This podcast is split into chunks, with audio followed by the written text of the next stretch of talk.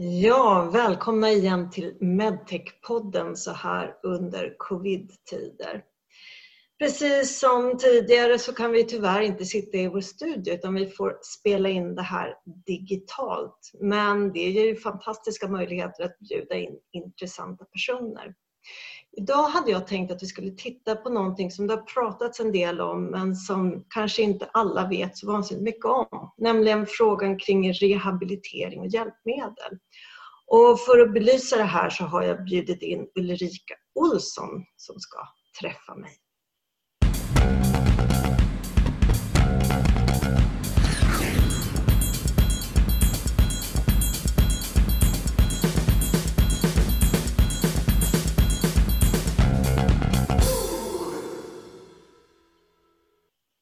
Hejsan Ulrika! Hej Anna! Hej, vad jätteroligt att ha dig här. Det är jättekul att vara här, absolut. Du kanske kan bara kort börja och berätta vem du är? Mm. Eh, som sagt, Ulrika Olsson heter jag. Jag jobbar eh, på Arjo som är ett eh, medicintekniskt företag som eh, jobbar med att eh, egentligen försöka få till en hög vårdkvalitet med positiva kliniska resultat med utgångspunkt från våra vårdtagares eh, mobilitet. Eh, vi har ett brett sortiment av lösningar eh, inom förflyttning, hygien, desinfektion och förebyggande trycksår och ventromboser. Så det är där vi riktar in oss på. Jag har varit där i eh, många år nu och efter att ha varit verksam inom den svenska verksamheten i många år så jobbar jag nu sedan ett par år tillbaka Eh, globalt. Jag har en tudelad tjänst idag där den ena delen är inom vår globala utbildningsenhet där jag har ansvar för alla utbildningsinsatser i Europa och så visar vi vissa större projekt eh, globalt sett också. Och den andra delen innebär att jag har ansvar för vår Governmental Affairs-del i bolaget. Utöver det så sitter jag då som ordförande i vår helpgrupp eh, i Swedish Medtech. Då.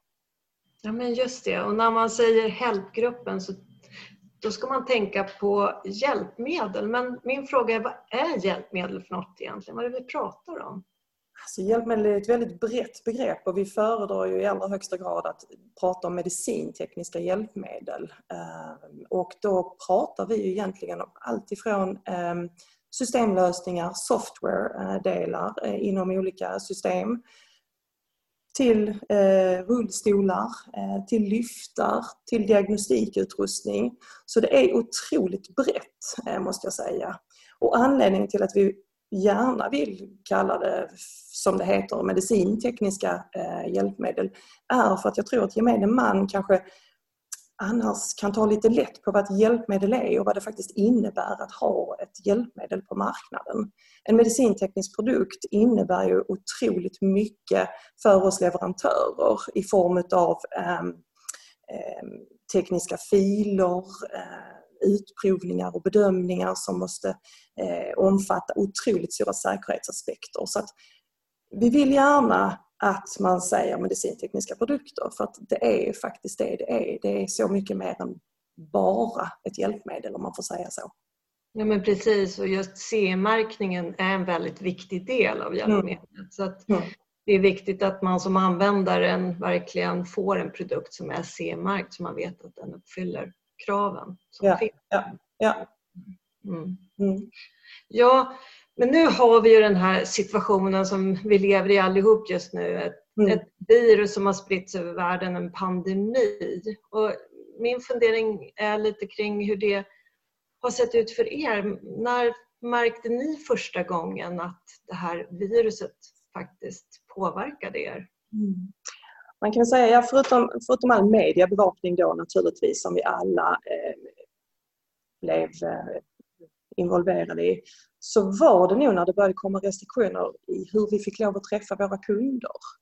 Eh, det stängdes ner ganska så snabbt. Vi märkte också att det blev ett eh, fokus på akut sjukvårdsutrustning och då är det mer IVA-baserad utrustning och sedan också skyddsutrustning av olika slag. När det sen också ganska snart stängdes ner för våra servicetekniker, eh, att de inte fick lov att komma ut och servicera produkterna på plats, så då förstod vi att det här är på riktigt allvar. För att då är det ju säkerhetsaspekter som, som börjar diskuteras och påverkas eh, när vi inte kan ombesörja våra, våra produkter ute. Mm. Så jag tror att det var det som var de första tecknen på att det här är allvarligt och det här verkar vara eh, företag framöver. Mm. Ja. Mm. Och jag menar om man då tittar på, för hjälpmedel kan ju jag som privatperson känna att det är någonting som om jag är beroende av till exempel en rullstol för att säkerställa min mobilitet eller eh, något annat så är ju hjälpmedlen verkligen en väldigt viktig del i min vardag. Mm. Hur, såg ni att det blev någon påverkan för personerna som behöver hjälpmedlen också?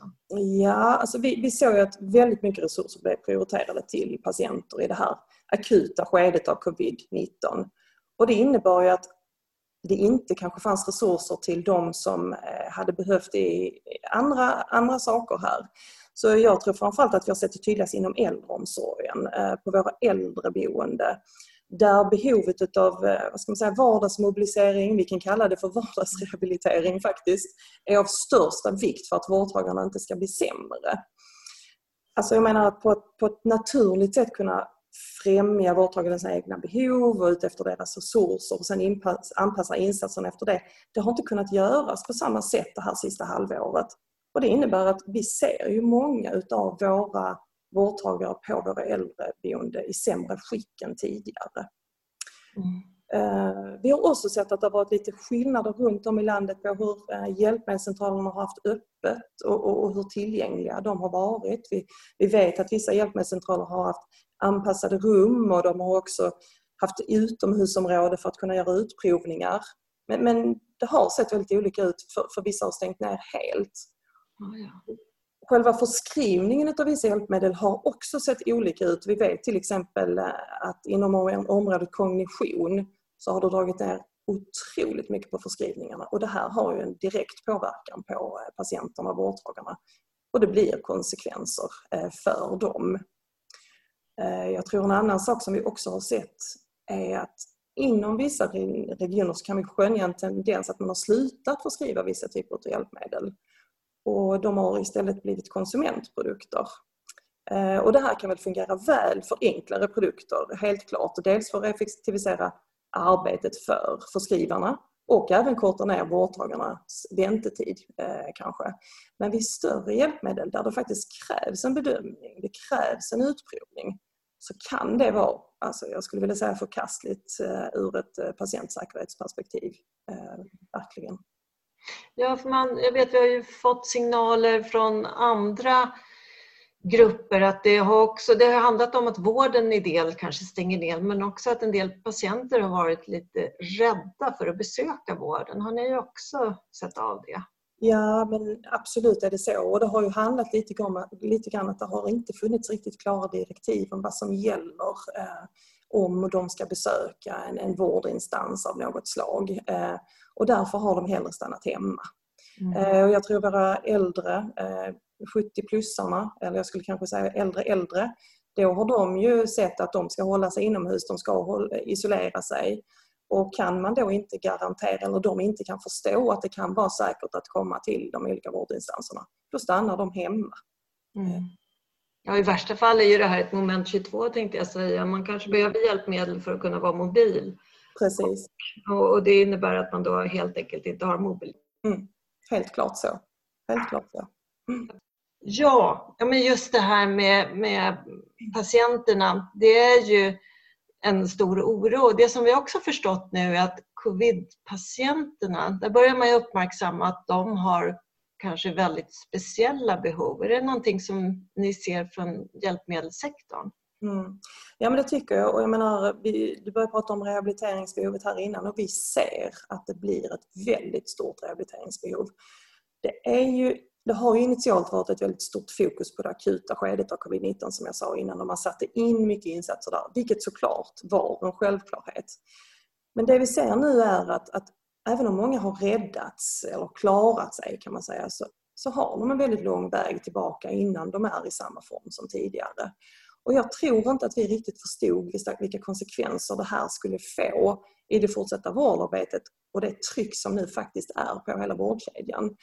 För att det handlar inte bara om att vi ska överleva covid-19. Det handlar ju faktiskt om att man vill kunna och ska kunna leva efter covid-19 också. Mm. Um, och sen tittar man på den stora vårdskulden i stort och inte bara på just de specifika covid-19 rehabiliteringsbehoven så ser vi ju att, att eh, det finns stora utmaningar att försöka komma ikapp. Ehm, och det finns ett enormt behov att, att ehm, ska man säga, komma ikapp där vi har sett att vi har stått tillbaka. Det här med uteblivna operationer, framskjutna utprovningar och, och risken är ju att vi har ett sämre skick på de vårdtagarpatienter eh, som kommer så att det blir ett utökat rehabiliteringsbehov även för dem. Eh. Mm, nej men absolut. Om, jag, vet, jag har ju fått signaler tidigare också att, att det kanske är, tyvärr ibland är så att just rehabiliteringen inte har en tillräckligt framskjuten Eh, position i vården. Mm. Att är, ibland kan det kännas som det är lätt att spara på just det här området. Är det... Ja, men jag tror det också. Och, och, och fysioterapeut som jag är själv så vet jag om att paramedicinerna är ju oftast de, och då tänker jag fysioterapeuter, arbetsterapeuter, logopeder, eh, dietister till viss del också, kommer ju inte alltid eh, det, det fokuseras inte alltid på eh, deras eh, förmåga eller insatser som behövs. Mm. För att rehabilitera våra vårdtagare. Vi ser att Eh, på våra, ehm, inom våra regioner och även inom våra kommuner så jobbar man otroligt mycket via delegation vilket kan vara väldigt, väldigt bra. Men jag tror att för att komma åt där vi är nu så behöver vi ökade insatser eh, från framförallt fysioterapeuter och arbetsterapeuter för att kunna supportera eh, detta på ett annat sätt än tidigare. Ja, för just om man tittar utifrån det, hur ser du att det är viktigt nu i den situation vi är nu? Vi, det pratas ju lite kanske om en andra våg, men om vi ändå ser att vi inte kommer att vara tillbaka i det här akuta skedet, vad är det som vi behöver prioritera? Jag skulle vilja säga att det allra viktigaste just nu är att komma igång med de operationer som har ställts in eller som det har avvaktats med. För att vi kan inte riskera mer mänskligt lidande om jag får säga så. Eh, för det är det faktiskt att ha en operation planerad men att den skjuts upp och skjuts upp och skjuts upp. Det är ett psykiskt eh, mm. svårt dilemma att stå inför. Ehm, även smärtmässigt naturligtvis också. Och, och, och, då kan det innebära att patienterna är i mycket sämre skick än vad de var från allra första början. Så att operationerna behöver komma igång. Och sen så tror jag lite grann av det vi pratade om innan att, att, att tillgängligheten ökar. Att våra vårdinstanser, våra hjälpmedelscentraler eh, får och ger klara riktlinjer eh, om vad det är de har möjlighet att, att göra och hur de förhåller sig till de här nya eh, eh, smittskyddsaspekterna. Så att vårdtagare kan och vågar söka sig dit igen och att de kan känna sig trygga eh, när de gör det. Som sagt, det görs på en, på en del håll runt om i Sverige eh, redan nu. Vi, vi ser att det är igång. Eh, men jag tror att det är det som behövs för att mm. Eh, vi ska kunna komma igång igen. Ja, nej men, och just den här aspekten att man riskerar genom att skjuta upp så riskerar vi att vi har en mycket värre situation mm. än vad vi hade tidigare. Och det, det är lätt att glömma bort det, att, att det inte är status quo. Ja, nej, vårdskulden som vi nu ofta hör att det kallas liksom, är ju faktiskt inte bara det som ställs in utan det är även det som byggs på eh, ovanpå eh, det som ställts in om vi nu säger så. så att, eh, mm. Om man tittar då på hjälpmedelsföretagen, menar, Arjo är ett men det är en ganska stor och bred bransch. Vi har ju väldigt många svenska hjälpmedelsföretag också. Mm. Mm. Hur ser du att hjälpmedelsföretagen, hur har de påverkats av pandemin? Mm. Så vi kan säga att vi ser ju i vår grupp att det är, det är väldigt olika hur uh, vi har påverkats. Uh, vi har sett att det beror väldigt mycket på hur man är organiserade och vilken produktportföljsammansättning som man faktiskt har. Om man har flera olika ben att stå på eller om man är väldigt inriktad på något specifikt gör en stor skillnad. Eh, vi har också fått till oss att många företag har fått permittera eh, personal. Mm. Eh, just för vår del på Arjo så har vi klarat oss från det i Sverige och även varit väldigt skonade globalt sett faktiskt. Men, men vi vet om att det har varit bekymmer, helt klart. Vi vet också att i ett väldigt tidigt skede hos många företag diskuterades hur det skulle prioriteras med leveranser. För många företag är ju globala. Och det har inte varit helt enkelt att kunna leverera snabbt och effektivt över en natt och det har också ifrågasätts eh, hur, i, i, vissa delar varför svenska företag inte kan prioritera svenska kunder. Eh, och eh, den är inte helt enkelt, särskilt inte när man då gick i våras utanför de vanliga ramarna för hur vi arbetar. Mm. Men man kan väl säga på den biten, när vi nu ser tillbaka, så den feedback som, som vi har fått på företagen är att det, det har fungerat väl överlag. Men, men det var en, en, en fråga som kom upp eh, just till oss leverantörer hur vi kunde prioritera kanske andra länder. Men, men vi är verksamma i många eh, länder, eh, många av bolagen här. Så, att, så att det var lite grann därför. Mm. Um, en annan sak som vi fick göra väldigt, väldigt tidigt uh, hos oss det var att ställa om i hur vi mötte kunderna. Uh, helt plötsligt, du och jag sitter här och nu, uh, det digitala rummet blev centralt. Så att vi har försökt hitta stabila plattformar att jobba i på väldigt olika sätt.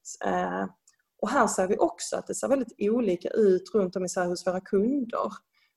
Där de har kommit olika långt också i hur de har kunnat ta sig an den här digitaliseringen. Och, och det speglar ju sen an på hur man vill och kan interagera med oss leverantörer skulle jag vilja säga. Ehm, det är ganska stor skillnad. Ja.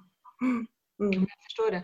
Vi har ju fått rapporter från andra delar av branschen om dels att det har kunnat vara väldiga problem med leveranser från underleverantörer eller även råmaterial men i de fall där man har fungerande leveranser så har också kostnaderna kunnat öka enormt mycket. Är det också något som hjälpmedelsföretagen har sett? Ja, men det har vi ju faktiskt gjort och det är det som har varit lite svårt. Vi har pratat med en, en del kunder som faktiskt har uttryckt just det här att över en natt så har, eh, har, det, har prissättningar förändrats eh, radikalt skulle jag vilja säga. Mm det vi har sett faktiskt och som, som jag kan vara ganska så, så glad över eh, som, som sitter som ordförande för Helpgruppen är att det här är det många nya företag som har dykt upp eh, och som har betett sig på detta sättet. Eh, vi kan absolut förklara att det är vissa omkostnader som har ökat under den här tiden för vi ser att våra underleverantörer har haft bekymmer inom vissa plan, absolut. Men det kan inte förklara en 300-400% ökning i pris eh, som vi har fått till oss eh, utav en del att, att det har skett. Så att, visst har vi sett det men, men, men jag tror att för att vi ska kunna liksom bemöta och jobba tillsammans med våra kunder här så är det ju av största vikt för oss att vi ska kunna ha en kontinuerlig dialog med dem för att förstå var befinner de sig, vad behöver de för att vi ska kunna leverera ut efter deras eh, förväntningar. Ehm, och jag tror också att det är någonting på, på några områden i Sverige som har varit väldigt eh, flexibla vad det gäller det här med överenskommelser och avtalskriterier. Mm. Där vi nu har sett att det har kunnat bli någon förlängd leveranstid. Ehm, och som, som du vet så är det ju dagar det kan röra sig om innan det kan bli viten och allt vad det nu kan vara. Men där har, där har vi sett en, en ödmjukhet från, från eh, många parter i att faktiskt eh, det viktigaste är att vi löser detta på bästa sätt och att man har sett eh, till det totala problemet liksom med detta. Mm. Men, men jag tror att viktigt här är att vi har den här kontinuerliga dialogen. Och, och den är ju egentligen viktig inte bara nu i den här pandemin utan även annars. För att det blir svårt att uppta en dialog om man inte pratar annars, om man säger så. Så, att, eh, så just de, den dialogen och relationerna är otroligt viktiga för oss för att vi ska kunna komma igång igen och att vi ska kunna se att det här är någonting på, på lång sikt som vi kan jobba med. För verkligheten är annorlunda idag än vad den var för bara sju, åtta månader sedan. Mm. Mm. Om man tittar nu då på vården, eh, både regioner och kommuner och de som förskriver hjälpmedel. Vad är det de behöver tänka på och förstå nu när man kanske börjar försöka beta av det här uppdämda vårdbehovet som mm. mm. Mm. Jag, jag, tror att det är några olika saker att tänka på. Som jag nämnde innan så tror jag att det är viktigt att det finns klara riktlinjer för hur vi ska agera tillsammans och så att alla känner att det är säkert. Eh, att det är ett säkert sätt att arbeta på. Eh, det kom väldigt snabbt riktlinjer inom regionerna. Ehm, ehm, det dröjde något längre, eller har dröjt något längre innan kommunerna kom ikapp med det. Eh, det är faktiskt generellt sett över hela Sverige. Men vi ser det är på gång, men det behövs för att vi ska kunna, får man lov att säga, våga jobba tillsammans så som vi gjorde tidigare. Sen tror jag att det är viktigt att tänka på att involvera oss leverantörer eh, i större utsträckning än tidigare. Alltså se oss som, som en resurs och tillgång. Eh, vi jobbar efter samma mål och vi kommer att behöva situationsanpassa oss eh, för att hitta de här bästa lösningarna. Och jag tycker att vi leverantörer är väldigt duktiga på det. För jag menar, vi har ju precis som många andra på väldigt, väldigt kort tid fått anpassa oss efter den här nya verkligheten som vi befinner oss i. Och jag menar vi arbetar och levererar idag på ett helt annat sätt än vad vi gjorde för de här sju, åtta månaderna sedan. Så, så det tror jag. Um, jag tror också att det är av yttersta vikt att vara öppen för nya, får man lov att använda ordet innovativa lösningar eh, utan att um, det ska, är för, för uttjatat som några säger. Men, men jag tror att det är viktigt att vara öppen för det och kunna anpassa oss liksom, till det nya. Eh, för som sagt, det kommer att vara vår verklighet framöver. Och, och, när man pratar om de här innovativa lösningarna så tror jag att vissa delar tycker att vi behöver skynda långsamt eh, inom för att komma ikapp eh, vissa grejer som har stått still på. Då, då tänker jag till exempel att man har skjutit upp vissa upphandlingar. Mm. Och det kan ju vara för att man har haft en omfördelning av resurser under den här perioden man nu börjar återsätta resurser till de här områdena så ser vi att man nästan skyndar på processerna lite grann. Man hoppar över RFI till exempel. Och det vi då är lite rädda för att det kan finnas en risk för stagnation då man ser inte vad som är nytt på marknaden, vilka nya lösningar som finns. Ehm, så återigen, involvera oss leverantörer i större utsträckning så tror jag att, att eh, det blir en i allra högsta grad win-win situation för eh, vårdtagarna liksom samhällsekonomin i stort faktiskt. Ja, precis. Jo, det här att, att vi ser att upphandlingar har skjutits upp, det är ju ett stort problem och det kommer innebära utmaningar mm. naturligtvis för vården men även för leverantörerna nu när man ska försöka se till att genomföra alla de upphandlingarna som borde ha skett de senaste nio, tio månaderna. Ja, och det finns många olika sätt att lösa det på genom att förlänga eller ha något, någon, någon interim. Alltså det finns många sätt att göra det på. Jag, jag tycker det är viktigt framförallt på upphandlingsbiten att inte hoppa över de där stegen um, som faktiskt krävs för att vi ska kunna eh, flytta oss framåt uh, utvecklingsmässigt. Um, faktiskt. Mm. Ja, men om man då tittar på det här, det har ju varit en enorm utmaning för mm, patient, för samhälle och även för företag. Vad, tycker du är det viktigaste vi har lärt oss att ta med oss? Mm.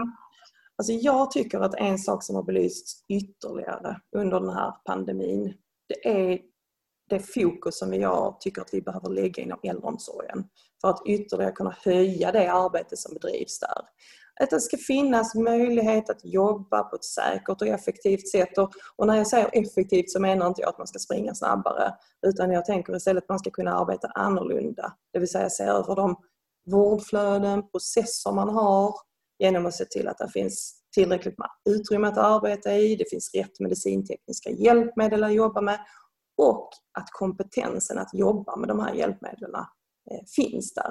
Så jag tror att det är en grundpelare för att, för att kunna bedriva en god verksamhet parallellt med de nya riktlinjer som finns.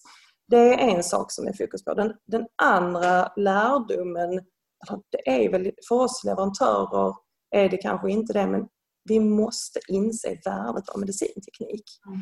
Att det är en dålig affär att inte jobba preventivt med de insatser, insatser man kan göra och det här, här tänker jag för att, för att främja mobilitet, liksom, för det påverkar oss både fysiskt och psykiskt. Så, så istället så kan ett sjukdomsförlopp bli så mycket längre.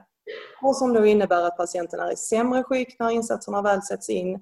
Så där måste vi titta på ett totalkostnadsperspektiv. Liksom. Att, mm. att förstå att sätta in förebyggande insatser är en god investering.